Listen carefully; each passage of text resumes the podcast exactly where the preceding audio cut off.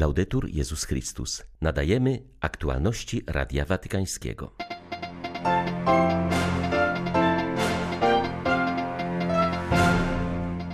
Po modlitwie Anioł Pański papież Franciszek przypomniał o beatyfikowanych wczoraj zakonnikach i świeckich związanych z rodziną dominikańską. Zaapelował także o pomoc dla Birmy i niszczonej wojną Ukrainy. Siostry Salezjanki świętują 150. rocznicę założenia swojego instytutu. Ich głównym powołaniem jest chrześcijańska formacja młodzieży. Na świecie wzrasta liczba męczenników. Wynika z badań organizacji Open Doors. Ponad 360 milionów wyznawców Chrystusa jest przedmiotem intensywnych prześladowań i dyskryminacji z powodu swojej wiary. 19 czerwca witają Państwa ksiądz Krzysztof Ołdakowski i Łukasz Sośniak. Zapraszamy na serwis informacyjny. W Eucharystii każdy może doświadczyć miłującej i konkretnej wrażliwości Pana, powiedział papież w rozważaniu przed modlitwą Anioł Pański. Franciszek nawiązał do obchodzonej dziś we Włoszech oraz w wielu innych krajach uroczystości Najświętszego Ciała i Krwi Chrystusa. Zaznaczył, że człowiek przyjmując z wiarą sakrament Eucharystii nie tylko karmi się Jezusem, ale zostaje nasycony Jego obecnością. Ojciec Święty zwrócił uwagę, że Jezus troszczy się o wszystkie potrzeby ludu w drodze, również o to, aby nie zabrakło mu codziennego chleba, zaspokajającego głód fizyczny. Ten chleb dyskretnie, po cichu, przekazywany jest z rąk do rąk. Pan bierze sobie do serca wszystkie nasze potrzeby, począwszy od tych najbardziej podstawowych i chce dać przykład uczniom, mówiąc: Wydajcie im jeść, tym wszystkim ludziom, którzy słuchali go przez cały dzień. Nasza adoracja eucharystyczna weryfikuje się, gdy troszczymy się o bliźniego, tak jak czyni to Jezus.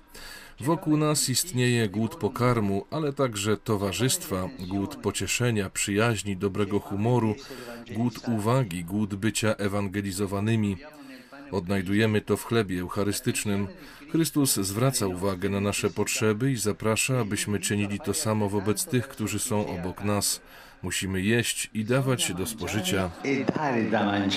W pozdrowieniach do pielgrzymów papież nawiązał do wczorajszej beatyfikacji, która odbyła się w Sewilli. Błogosławionymi zostali ogłoszeni zakonnicy z rodziny dominikańskiej. Angelo Marina Alvarez i dziewiętnastu towarzyszy, Giovanni Aguilar Donis i czterech towarzyszy z zakonu kaznodziejskiego, Izabela Sanchez Romero, starsza zakonnica z zakonu świętego Dominika oraz Frutuoso Perez Marquez, tercjarz dominikański i znany dziennikarz. Papież przypomniał także o dramacie Birmy, mieszkańcom której brakuje pomocy humanitarnej. Są oni zmuszani do opuszczenia swoich domów ze względu na zniszczenia i przemoc.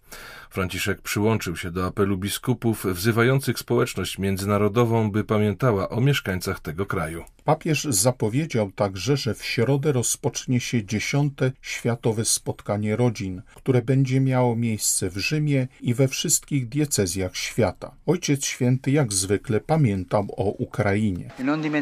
Nie zapominajmy też o udręczonym w tym czasie narodzie ukraińskim, narodzie, który cierpi. Chciałbym, aby w każdym z Was pozostało jedno pytanie: co ja dzisiaj robię dla narodu ukraińskiego? Czy się modlę, czy daję coś z siebie, czy staram się zrozumieć? Niech każdy z Was odpowie sobie na to pytanie we własnym sercu. W tym roku siostry salezjanki obchodzą 150 lat założenia swojego instytutu. Od początku naszą misją było formowanie dobrych chrześcijan i uczciwych obywateli. W najbliższych dziesięcioleciach będziemy coraz bardziej międzynarodowe, stwierdza w rozmowie z Radiem Watykańskim siostra Grazia Loparco, historyk Kościoła. Oprócz przekazywania doktryny, zawsze troszczyłyśmy się o nauczanie ludzi w taki sposób, aby mogli odnaleźć się w najróżniejszych kontekstach społecznych, w których żyli. Nie bałyśmy się zmian historyczno-kościelnych, które zachodziły w tym okresie, ale stawiałyśmy w centrum apostolstwo. Nasza przyszłość będzie coraz bardziej międzynarodowa. W naszym instytucie obserwujemy już dziś zmiany. Ubywa sióstr europejskich i amerykańskich, a przybywa z Azji, Afryki i Oceanii. Tam, gdzie rozwijają się społeczeństwa, pokazałyśmy, że wiemy, jak stanąć po stronie najsłabszych. W najbliższych latach będziemy także intensyfikować współpracę ze świeckimi. Będziemy coraz bardziej współpracować z instytucjami społecznymi, by zaradzić problemom na styku polityki i szkolnictwa. Diverse. Do budowania społeczeństwa w oparciu o zasadę braterstwa zachęcał włoskich polityków kardynał Mauro Gambetti. Papieski wikariusz dla Watykanu został zaproszony do niższej izby parlamentu z wykładem na temat encykliki Fratelli Tutti. Franciszkański kardynał podkreśla, że Fratelli Tutti to kopernikańska rewolucja w postrzeganiu społeczeństwa. Encyklika zrodziła się z modlitwy płynącej z serca papieża do Stwórcy. Boże i Ojcze, zaszczep w naszych sercach sercach duch braterstwa. Papież chce zainspirować całą ludzkość do braterstwa, bo uważa je za znak czasu, na który zwracał już uwagę Sobór Watykański II. Trudno jest sobie wyobrazić przyszłość bez braterstwa. Myślę, że jest to już jasne dla wszystkich, że świat nie ma przyszłości, jeśli nie rozwinie się porządek światowy, społeczny, gospodarczy i polityczny oparty na braterstwie. Jest to zasadniczy wybór. Inni to albo bracia, albo przeciwnicy. Nie ma innej alternatywy. Franciszek chce zmiany antropologicznej opartej na więziach. Aby budować otwarte braterstwo, prosi nas, byśmy nie odrywali wzroku od postaci świętego Franciszka, który niósł pokój, a sam szedł obok ostatnich, ubogich i odrzuconych. Stowarzyszenie Młodzieży Akademickiej Cytadela Pokoju Rondine, zajmujące się promowaniem pokojowego rozwiązywania konfliktów, zorganizowało międzynarodowe wydarzenie Utopik pod hasłem Czy złożoność to alibi? Wyzwania związane z możliwym działaniem. Papież uczy nas, że trzeba przezwyciężać logikę tak zawsze było, także w kontekście wojny, powiedział Franco Vaccari, przewodniczący Rondine. Trwa szósta edycja festiwalu. W programie trzydniowych obchodów znalazły się liczne wydarzenia, wykłady i projekty. Uczestnicy konfrontują się z tematami dotyczącymi wojny, pokoju i słuchania, o których rozmawiają z prelegentami z całego świata, mówi Franco Vaccari. Trzeba odłożyć na bok wszystkie alibi, które sprawiają, że złożoność rzeczywistości traktuje się raczej jako przeszkodę niż jako okazję do podążania szlachetną drogą pokoju. Czy to, że coś zawsze tak robiono, nie jest przeszkodą w czynieniu dobra, jak wielokrotnie przypominał Franciszek? Jego słowa są tu bardzo na miejscu. Pomyślmy na przykład o wojnie. Od początku istnienia świata zawsze były wojny, a więc wiadomo, że zawsze będą. Sytuacja jest złożona, więc niezmienna. To alibi, by nie podejmować działań, wymówka. Musimy zerwać te łańcuchy krępujące myślenie i działanie. Trzeba nauczyć się, że złożoność jest często wiernym towarzyszem naszej egzystencji. Słowo złożoność, rozumiane jako skomplikowanie, traci swoją wartość, bo nikt nie powinien komplikować rzeczy lub, jak to się mówi, komplikować życia. To dni, w których w ramach wielkiej otwartości i słuchania konfrontowaliśmy się z przedstawicielami wielu części świata, by zrobić kolejny mały krok w kierunku kultury pokoju. Mamy trzecią wojnę światową w kawałkach. Te słowa papieża Franciszka to najlepsza analiza obecnej sytuacji geopolitycznej, jaką słyszałem, mówi Romano Prodi. Były przewodniczący Komisji Europejskiej i dwukrotny premier Włoch przypomina, że papież od początku wojny apeluje o dialog i rozwiązywanie konfliktów na drodze mediacji. Mówi jednak także o logice Kaina, która przeważa nad logiką pokoju i zastanawia się w związku z tym, czy naprawdę istnieje dziś w świecie wola budowania pokoju. Europa wspiera Ukrainę, ale nie jest w stanie podjąć bardziej zdecydowanych inicjatyw, zauważa Romano Prodi. To święte słowa, ale bardzo smutne, ponieważ uświadamiają nam, że rządzący nie reagują na wezwania do pokoju. Objawiają też bezsilność Unii Europejskiej wobec innych potęg. Zgadzam się, że dzisiaj mediacje raczej nie przyniosą owoców.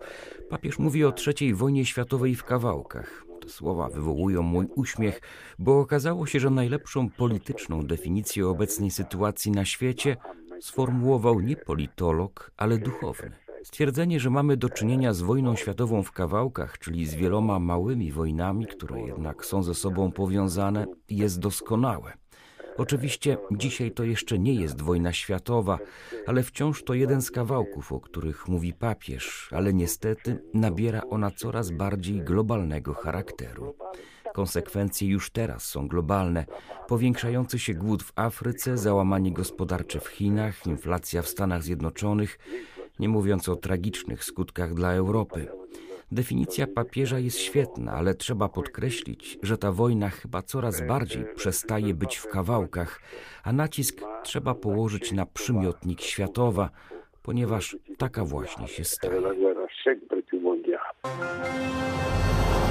Na Światowym Indeksie Prześladowań organizacji Open Doors znalazło się aż 50 krajów. Pierwsze miejsce zajmuje Afganistan, który po zwycięstwie talibów wyprzedził Koreę Północną. Według najnowszych danych w ubiegłym roku intensywność napaści na chrześcijan rosła. Na świecie ponad 360 milionów wyznawców Chrystusa jest przedmiotem intensywnych prześladowań i dyskryminacji z powodu wiary. Dziś na świecie także jest wielu męczenników, ale rzadko trafiają oni na pierwsze strony gazet, mówi w rozmowie z Radiem Watykańskim ksiądz Luigi De Rico, proboszcz kościoła pod wezwaniem męczenników ugandyjskich w Rzymie.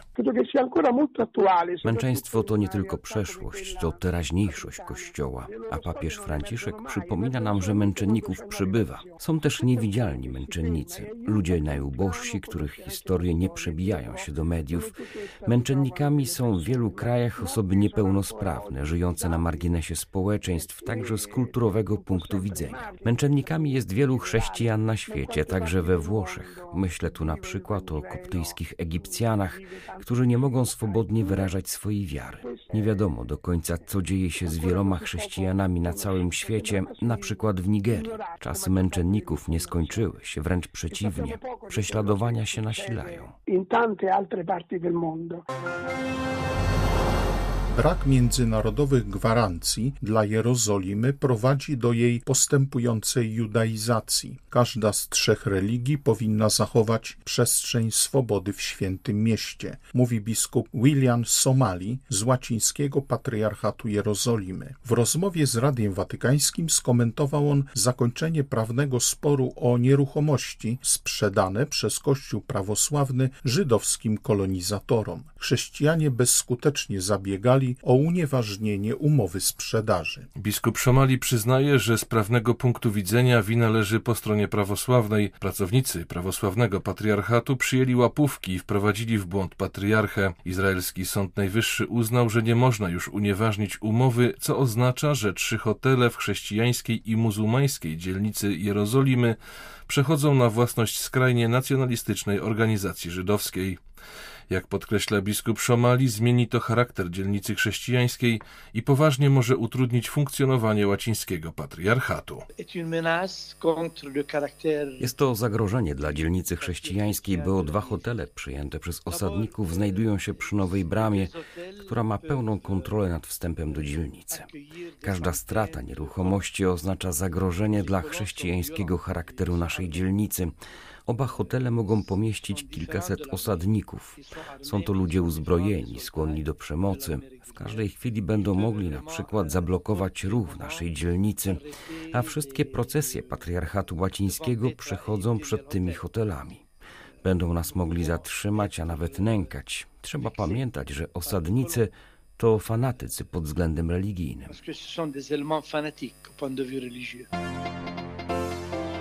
Były to Aktualności Radia Watykańskiego. Laudetur Jezus Chrystus.